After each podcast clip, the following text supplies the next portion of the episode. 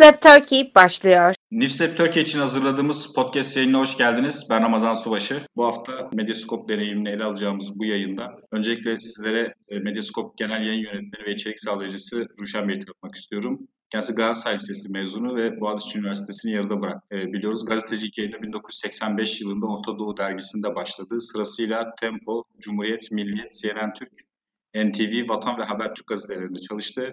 Sonrasında Türkiye'nin sivil, bağımsız, özgür ve çoğulcu bir medya ortamına ihtiyacı olmadan yola çıkarak 2015 yılında kurulan Medyascope TV'nin genel yayın yönetmeni olarak bu kuruluşa ön ayak oldu. Kendisine hemen hızlıca Medyascope platformuna neden ihtiyaç duyulduğunu ve bu işe nasıl girdiğini sormak istiyorum. Bu öncelikle benim kişisel bir ihtiyacımdı. Kişisel olarak televizyonculuğu bağımsız olarak yapmayı düşünüyordum. Bunun hesabını yapıyordum. Bu sırada Periskop uygulaması çıktı ortaya. Türkiye'de ilk uygulamayı kullananlardan birisiyim herhalde. Kendi başıma periskop kullandım ve özellikle Haziran 2015 seçimleri öncesi Anadolu'da çok sayıda mitingde milletvekili adaylarıyla röportajlar yaptım Periskop'ta. Bunlar bayağı bir ilgi gördü. Ondan sonra İstanbul'da gazetedeki odamda analizler yapmaya başladım yine Periskop'tan canlı yayın olarak. Daha sonra analizlere ek olarak konuk alıp konuklarla röportaj yapmaya başladım. Bir nevi o sırada Habertürk'te çalışırken odam bir nevi televizyon stüdyosuna döner gibi oldu. Ancak teknik olarak tabii ki yeterli bir yer değildi. Bunun üzerine e, Manuel Çıtak, fotoğrafçı arkadaşım beni Sanayi Mahallesi'ndeki kendi stüdyosuna e, davet etti. Orada yayınları yapmamı istedi. Bu arada Denet Tezel ve Nurdan Üçer e, tanımıyordum kendilerini. Onlar bana bir teklif ilettiler e-mail, e-posta üzerinden yaptığım işlere ilgi duyduklarını ve bunu daha kurumsal bir şekilde yapmak istersem yardımcı olabileceklerini söylediler. Onlarla e, yaptığım görüşmelerin ışığında Medyascope projesi gelişti ve bunu e, 15 Ağustos, e, 20 Ağustos pardon 2015'te yine stüdyo e, olarak gazeteyi kullanarak e, Levent Gültekin ve Kadri Gürsel'le yaptığımız bir açık oturumla ben yönettim. Lanse ettik yani duyurduk ve web sayfamızda faaliyete geçti. O gün bugündür e, bunu e, Periskop'un dışında diğer canlı yayın uygulamaları olan Facebook ve YouTube'u da katarak 3 yıl aşkın süredir burada daha profesyonel bir şekilde bir anonim şirket kurduk. Onun üzerinden yapıyoruz yaptığınız çalışmayla ilgili geleneksel medyada nasıl tepkiler alıyorsunuz? Ana akım medyaya aslında bir alternatif oluşturma çabası Genellikle yaptığı. E, insanlar ilgi gösterdiler ama çok inanmadılar. E, çok kişi bunun başına bir şey geleceğini düşündü. İki nedenle. Bir, mali nedenlerle para bulamayacağımızı. iki siyasi nedenlerle başımıza iş alacağımızı düşündüler. Ama biz üç yıl aşkın süredir bu iki temel konuda da e, başımıza çok fazla bir şey gelmeden, tabii kolay olmadı ama e, yol yürüdük. Birçok arkadaşımıza gazeteci, profesyonel gazeteci ilk günden itibaren çağrıda bulundum. E, beraber yapmayı ya da Medyascope'u bir platform olarak gördüğümüz için kendi ürettikleri işin burada değerlenmesini çok az kişi buna e, dahil oldu. Bunların başında az kişinin başında Ünsal Ünlü geliyor. Ünsal kendi e, periskop yayınlarını yaptı ve biz onları ilk günden itibaren Medyaskop'ta yayınlamaya başladık. O bayağı bir kendi başına bir yol çizdi. Birçok kişi o tarihte Ünsal gibi önerdiğimiz birçok kişi çok inanmadı buna. Hem mali nedenlerle inanmadı hem de bunun yürüyebilecek bir şey olmadığını düşündüler. Bir de tabii teknolojiden ürküyor insanlar, yeni teknolojilerden aslında çok da zor bir şey değil. Bir takım sorunlar yaşanıyor ama zaman içerisinde bu sorunları çözebiliyor insanlar. Çok büyük bir ilgi gelmedi açıkçası ve hala o tarihten itibaren e, kendilerine öneri getirdiğim vesaire arkadaşlara baktığım zaman onların yerine çok da alternatif başka bir şeyler yapabildiklerini de görmüyorum. Eğer bu içer bu süre içerisinde bu tür bir alana, yeni teknolojilerle gazetecilik yapma alanına girmiş olsalardı bayağı bir yol kat etmiş olabilirlerdi. Ama bu üç yıl içerisinde malum Türkiye'de ana akım iyice ortadan kalktı. Alternatif iddialı yayın organlarının etkileri hep sınırlı kaldı ve bir anlamıyla da birçok insan bu süreç içerisinde etkisizleşti, yok oldu hatta bazıları. Ki bu yok oluş sürecinde aslında birçok kişi kendi mecralarında yayınlar yapmaya da başladılar. Özellikle işsiz kalan gazeteciler kendi haber sitelerini kurmaya çalıştılar. Bundan farklı olarak Medyaskop bir haber sitesi kurmaktan ziyade aslında video içeriğe e, odaklanmış oldu. Burada size öneri çıkaran konunun neden video olduğunu, aslında neden videoyu tercih ettiğini biraz açıklamak Birincisi e, mesleğini yapamayan, kurumlarda yapamayan arkadaşların bireysel çabaları var. Onların hepsini takdir ediyorum ama e, beklediğim kadar değil, çok daha fazla olması lazımdı. E, ben o anlamda büyük bir atalet görüyorum maalesef. Yani o anlamda çok laf var ama daha doğrusu aktivizm boyutunda e, meslektaşlarımız çok daha fazla dikkat çekebiliyorlar ama mesleği sürdürme anlamında e, çok e, bereketli bir ortam yok. Daha doğrusu aslında altyapısı var bunun ama insanlar nedense bir kısmı yaşları ilerlediği için vesaire değişik gerekçelerle çok fazla zorlamıyorlar. Ama onun dışında bizim gibi bu olayı kurumsal olarak yapan da çok fazla yok. Yani tek tek yapanlar çok az, kurumsal olarak düşünenler de çok fazla yok.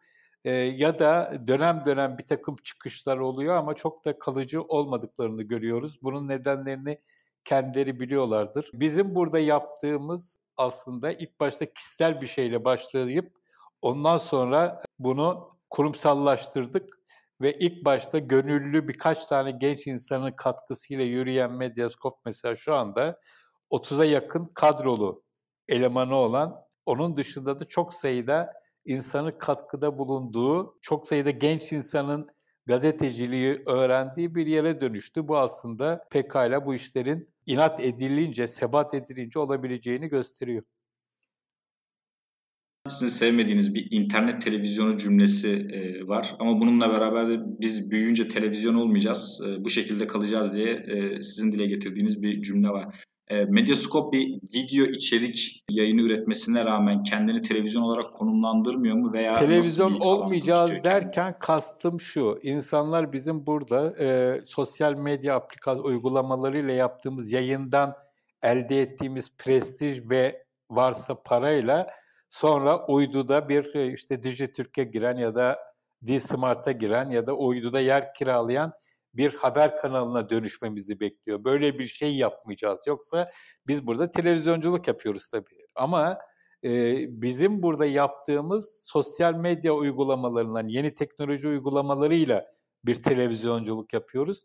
Bu anlamda burada devam edeceğiz. Yani eski tip bildiğimiz konvansiyonel bir televizyona dönüşmek gibi bir derdimiz yok. Tam tersine eski tip televizyonların da zamanla buraya doğru evrilme sini bekliyorum. Örneğin gazetelerde olan bazı gazetelerin dijitale sadece dijitale dönmesi, İngiltere'de Independent, Türkiye'de de bir takım örnekler var ama Türkiye'deki örnekler çok zayıf bence Independent'la kıyaslanamaz. Televizyonların bazıları da böyle bir mecraya doğru e, döneceklerdir, dönmek zorunda kalacaklardır. Benim kastım bu. Yoksa biz bir yeni bir mecra yarattık kendimize yeni teknolojilerin imkanlarıyla bu mecranın kendi içerisinde gelişmeyi düşünüyoruz. Yoksa eskiye dönmek gibi yeniyi eskiye dönüşüm bir tramplini gibi görmüyoruz. Yeniyi üzerinden gidilecek bir yer olarak görüyoruz. Ee, eskiyle o anlamda bir bağımız yok olmayacak. Böyle bir derdimiz yok. Eski tip televizyonculuk gibi bir derdimiz yok. 7-24 yayıncılık gibi bir de derdimiz yok. Çünkü 7-24 yayıncılığın çok büyük külfetleri var. Bir de o boşlukları doldurmak için bir takım şeylerin fazlasıyla şişirilmesi var. Bizim bence en büyük özgürlüğümüz 7-24 yayıncılık yapmamak. Öyle bir derdimizin olmaması. Şimdi bir yandan televizyonla ilgili kısma baktığımız zaman aslında e, internet tarafında da bunun yansımalar olarak yasaklar gündeme gelmeye başladı. Bir yandan Rütük düzenlemesi, halihazırda e, spor musabakaların oynandığı tarihlerde skop yasakları var. E, bu konuda internetten ve e, periskop aslında uygulamasından ortaya çıkmış bir oluşum olarak bu erişimler, yasaklamalar nasıl engelliyor? bizi etkilemedi şu ana kadar. E, bundan sonra da etkileyecek mi bilmiyorum. Yeni düzenlemeyi insanlar hep bizim üzerimizden tarif etmeye çalıştılar ama şu ana kadar bizi dokunduğunu görmedik. Belki bundan sonra dokunur bilmiyorum. Dokunursa da onun gereğini yaparız. Diğer husus maç saatlerinde yayın yapamama çok acayip abes bir durum. Ama orada yapabilecek bir şeyimiz yok. Dolayısıyla o saatlerde e, periskop yayını yapmamak gibi bir formülden başka yapabileceğimiz bir şey olmuyor. Ama e, şimdi o saatlerde periskop dışındaki canlı yayın araçlarını kullanarak Facebook ve YouTube'u kullanarak yine bir takım yayınlar yapmaya e, düşüncemiz var. Bu aslında bizim meselemiz değil, bu Periskop gibi bir kurumun meselesi. Yani o büyük Twitter'ın meselesi. Onlar bu konuda ne yapıyorlar bilmiyorum. Zaten işin ilginç tarafı şu, bu tür aplikasyonları kullanan bizdenle bu aplikasyonları üreten kurumlar arasında çok büyük bir uçurum var. Yani e, bazılarının sandığı gibi Periskop ya da Twitter onun sahibi olan bizimle temasa geçiyor falan değil. Ya da YouTube ya da başkaları. O onlar bir şey yapıyorlar, ortaya atıyorlar. Biz de onu kullanıyoruz ve herkes kendi yağıyla kendisi kavruluyor.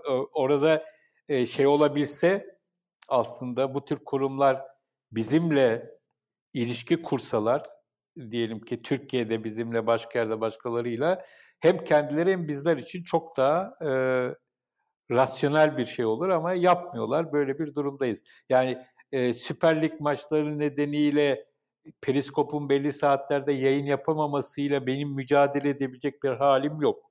Ama bunun mücadelesini, hukuki vesaire mücadelesini verebilecek olan, vermesi gereken ve verebilecek olan e, Periskop'un kendisi. Ama onlar ne yapıyor açıkçası bilmiyorum.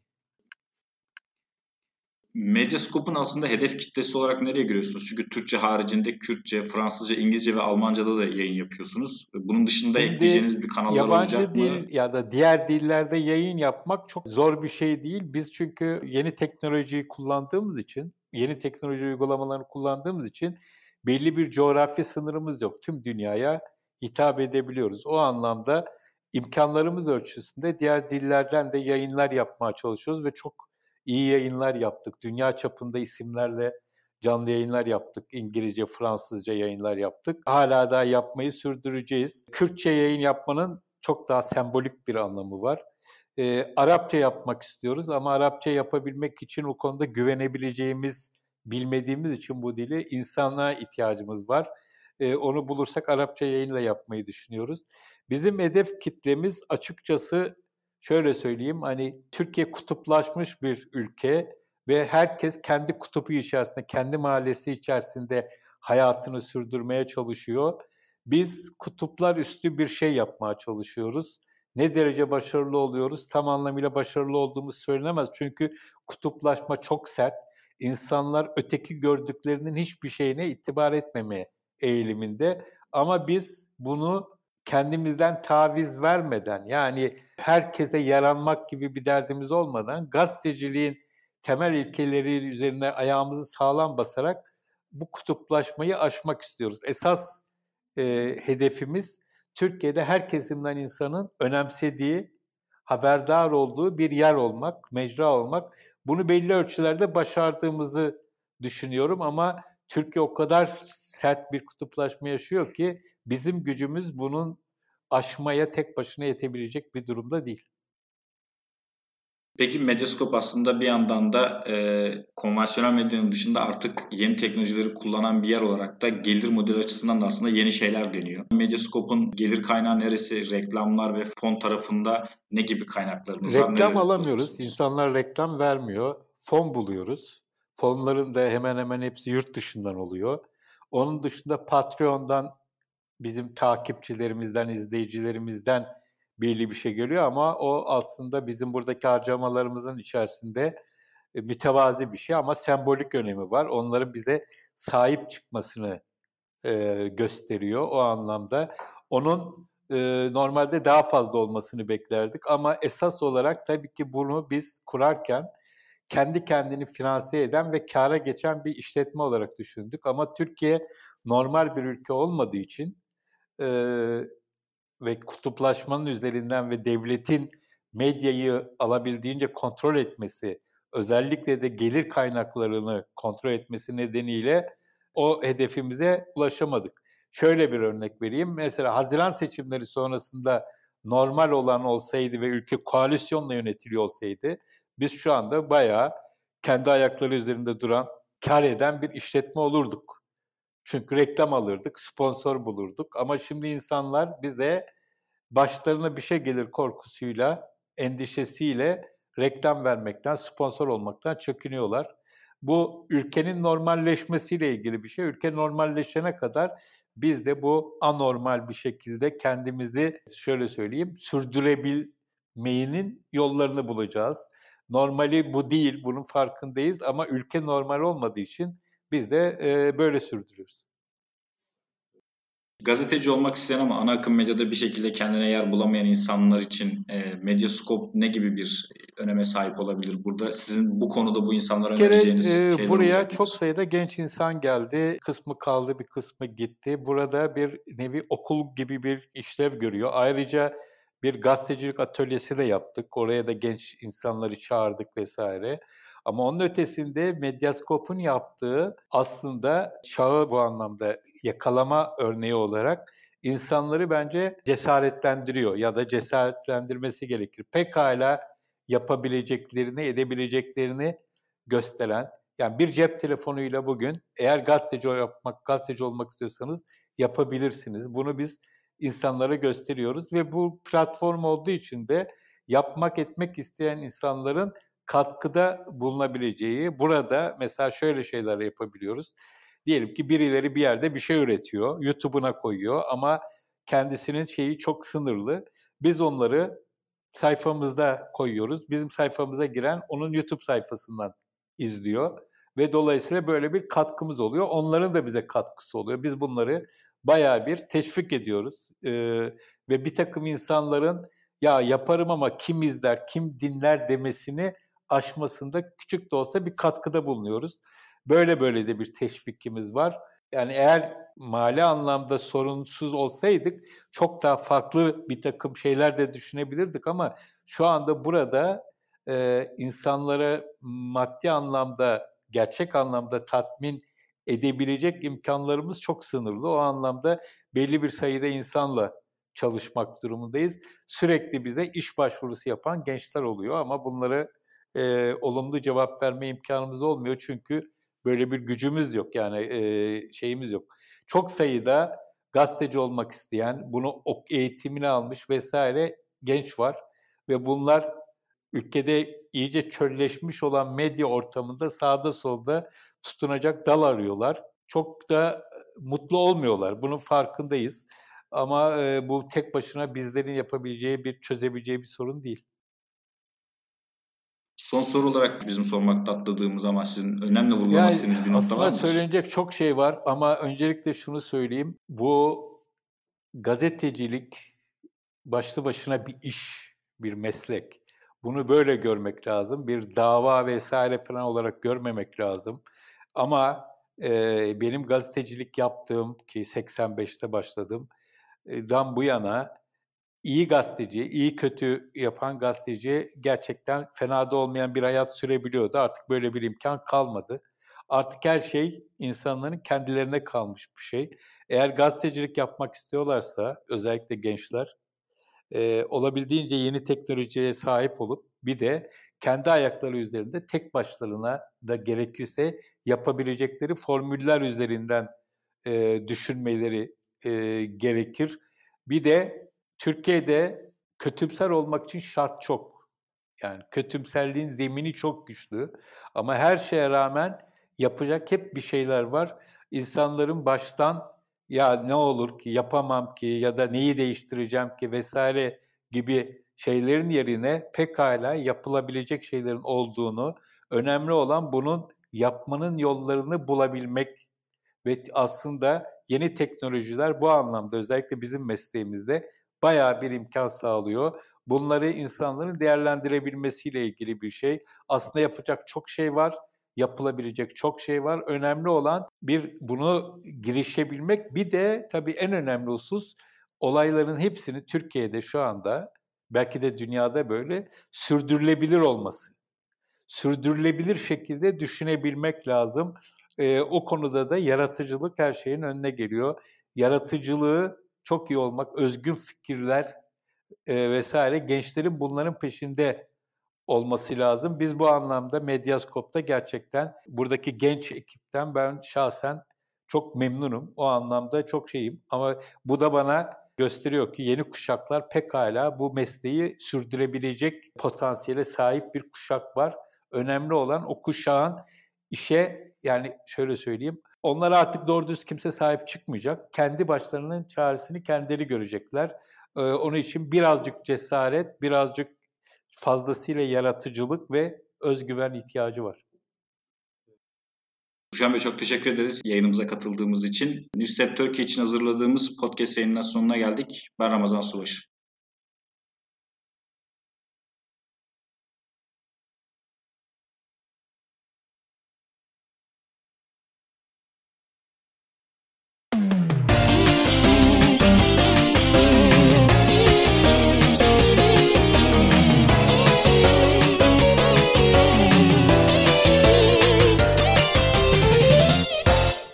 Newslab Turkey sona erdi.